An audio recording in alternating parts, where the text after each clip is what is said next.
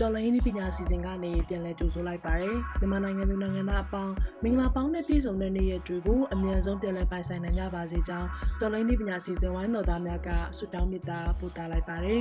စစ်ကောင်စီရဲ့မတရားတဲ့ဖိနှိပ်မှုတွေကိုလက်တွေ့ဘဝရော digital ဘဝမှာပါခံနေရတဲ့အတွက်ဒီပတ်မှာတော့လုံခြုံတဲ့ digital ဘဝတစ်ကိုပိုင်ဆိုင်မှုအတွက်စောင့်သိရှောင်တဲ့တဲ့အချက်ဆက်ချက်ကိုပြောပြပေးသွားမှာဖြစ်ပါတယ်လက်တွေ့ဘဝမှာယောဂဗျာတွေကင်းဝေးအောင်တန့်ရှင်းရုပ်ကိုယူဆိုင်ရတယ်လို့ပဲ digital တန့်ရှင်းရုပ်ကိုယူဆိုင်တဲ့အနေနဲ့ကိုယ့်ရဲ့ကိုယ်ကိုယ်ရာဆန်တဲ့အချက်လက်တွေကိုထိမ့်သိမ်းနိုင်ဖို့ကိုယ့်ရဲ့ digital ပိုင်ဆိုင်မှုတွေကိုတခြားသူတွေများယူသွားနိုင်ဖို့အတွက်အခုပြောပြပေးသွားမယ့်အချက်တွေကိုယူဆိုင်တင်ပါတယ်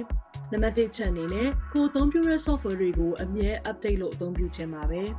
ဖုန်းရော laptop တွေကိုပါ operating system update ထွက်တဲ့အခါမှာအသုံးပြုနိုင်တဲ့ feature အသစ်တွေပါဝင်လာသလိုနောက်ဆုံးပေါ်လုံးကြုံရေးတိုးမြင့်မှုတွေလည်းပါဝင်ပါတယ်။ version အဟောင်းတွေကိုသုံးစွဲခြင်းဟာကိုယ့်ရဲ့ဖုန်းတွေကွန်ပျူတာတွေကိုအားနည်းချက်တွေယူပေါက်တွေကနေတဆင့်အလွယ်တကူအတိုက်ခံရနိုင်ပါတယ်။ application တွေ software တွေကို update လုပ်အသုံးပြုပါနံပါတ်2ချက်အနေနဲ့ဖုန်းနဲ့ကွန်ပျူတာတွေတဲကိုစိတ်ချရတဲ့ antivirus တစ်ခုထည့်သွင်းအသုံးပြုပါလက်တလုံးမှာ phishing link တွေကို messenger တို့ email တို့ကနေပေးပို့လာတာအချက်လက်တွေကိုလိမ်လည်တောင်းဆိုတာတွေအဖြစ်များနေပါတယ်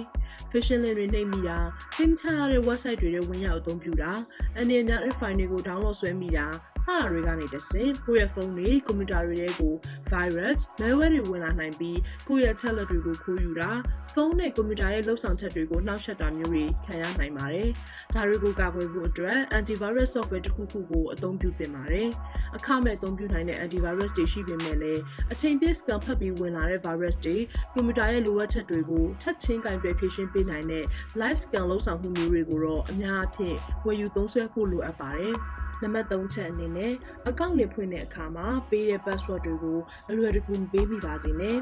ခမရခတ်တဲ့ခိုင်မာအားကောင်းတဲ့ password တွေသာထားပါ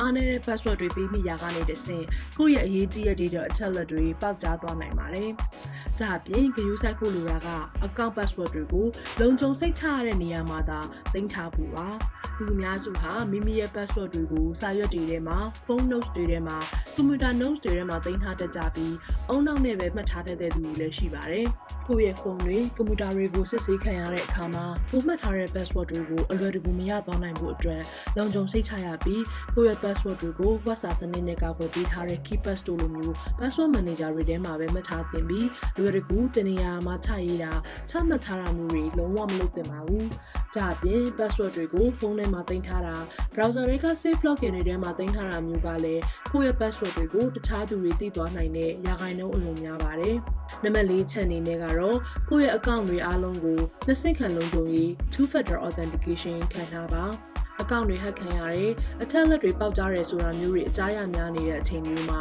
ကိုယ့်ရဲ့ချက်လက်တွေကိုသိမ်းဆည်းထားတယ်အကောင့်တွေရဲ့လုံခြုံရေးကိုအထူးတလဲဂရုစိုက်ဖို့လိုအပ်နေပါတယ်လက်ဆင့်ခံလုံခြုံရေးသာခံထားမယ်ဆိုရင်တော့ကိုယ့်ရဲ့အကောင့်ကို username နဲ့ password သိသွားရင်တော့ဝင်လို့မရနိုင်တော့ပဲကိုတယောက်တည်းသာသိနိုင်တဲ့ OTP code authentication code တစ်ခုဖြစ်ဖြစ်နောက်ထပ် password တစ်ခုနဲ့ဖြစ်ဖြစ်ထပ်မံကာကွယ်ပေးထားပါတယ်လက်ဆင့်ခံလုံခြုံရေးကိုအသုံးပြုမယ်ဆိုရင်တော့ backup code တွေကိုလည်းသေချာသိမ်းထားဖို့လုံးဝမမေ့ပါနဲ့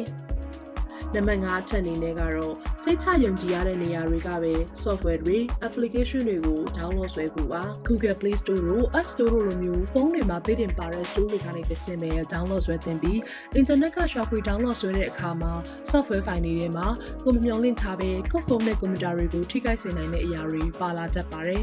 Google Play Service ထောက်ပံ့ခြင်းမရှိတဲ့ဖုန်းတွေမှာဆိုရင်လည်း open source application store တွေဖြစ်တဲ့ F-Drive, Aurora တို့လိုမျိုး store တွေကနေ download ဆွဲနိုင်ပါတယ်။နံပါတ်6အနေနဲ့ကတော့ကိုယ့်ရဲ့ data တွေကို backup လုပ်သိမ်းထားဖို့ပါပဲ။ data ချက်လက်တွေသိမ်းဆည်းရမှာဖုန်းကွန်ပျူတာထဲမှာပဲအထိုင်မသိမ်းထားသင့်ပါဘူး။ဖုန်းတွေကွန်ပျူတာတွေတနည်းတစ်ပုံချုပ်ရင်းတဲ့အခါမှာကိုယ့်ရဲ့ data တွေမဆုံးရှုံးရဘူး backup လုပ်ပြီးအခြားတနေရာရာမှာပွားသိမ်းထားသင့်ပါတယ်။ကိုယ့်ရဲ့ထိရှလိုတဲ့အချက်လက်တွေသိမ်းဆည်းတဲ့အခါမှာလည်း WhatsApp စနစ်ပြောင်းလဲသိမ်းဆည်းပေးတဲ့ encryption စနစ်ကိုအသုံးပြုသင့်ပါတယ်။တနေရာရာကိုရှောင်ရတော့မယ်ဒါမှမဟုတ်အစစ်စစ်ခံရမှုတေချာတလောက်ရှိရဆိုရင်တော့ကိုသိမ်းထားတဲ့အချက်လက်တွေကိုတေချာစီစစ်ပြီးနေရာပြောင်းလဲသိမ်းသိရင်သိမ်းဖြတ်သိရင်ဖြတ်တာမျိုးတွေလုပ်ပါနံပါတ်9ချက်ကတော့ digital ပေါ်ကဖျားယောင်းနေလေသူတွေရဲ့အနေအကိုဂရုစိုက်ဖို့ပါပဲ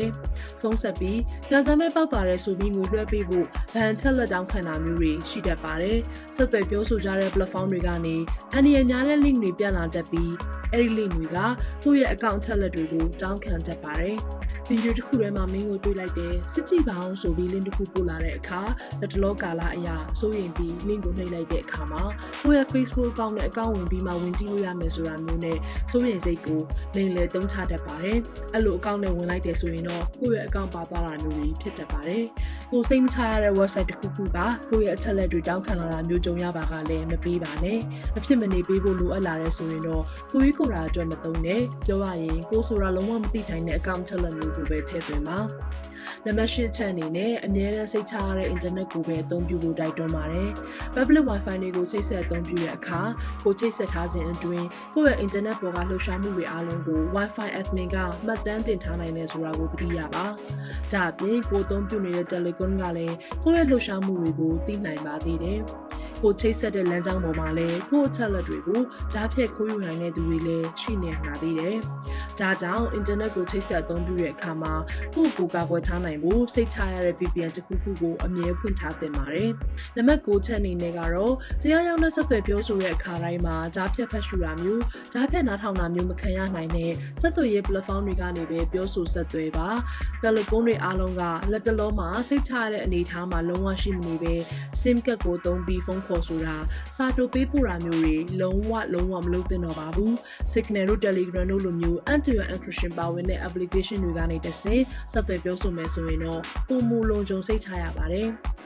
နောက်ဆုံးနံပါတ်10ချက်အနေနဲ့ကတော့တခြားသူတွေကိုပေးနေရတဲ့ data တွေကို short ချပါ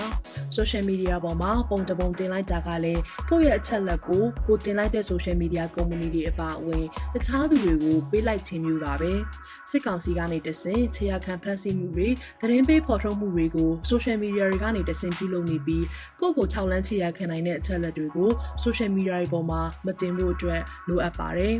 အဲ့လို digital share တွေကို short ချပစ်ပါကိုပေးလိုက်တဲ့အချက်လက်ကြောင့်ကိုကိုပြန်ပြီးအနေမပြုမိပါစေနဲ့လို့အကြံပေးပြောကြရင်နောက်ပတ်များမှာလည်းတော်လိုင်းဤပညာစီစဉ်ကနေဘလို့အကြောင်းအရာကောင်းတွေကိုဆက်လက်တင်ဆက်ပေးသွားအောင်မလဲဆိုတာကိုစောင့်မျှော်ကြည့်ရှုပေးကြပါအောင်ရှင်။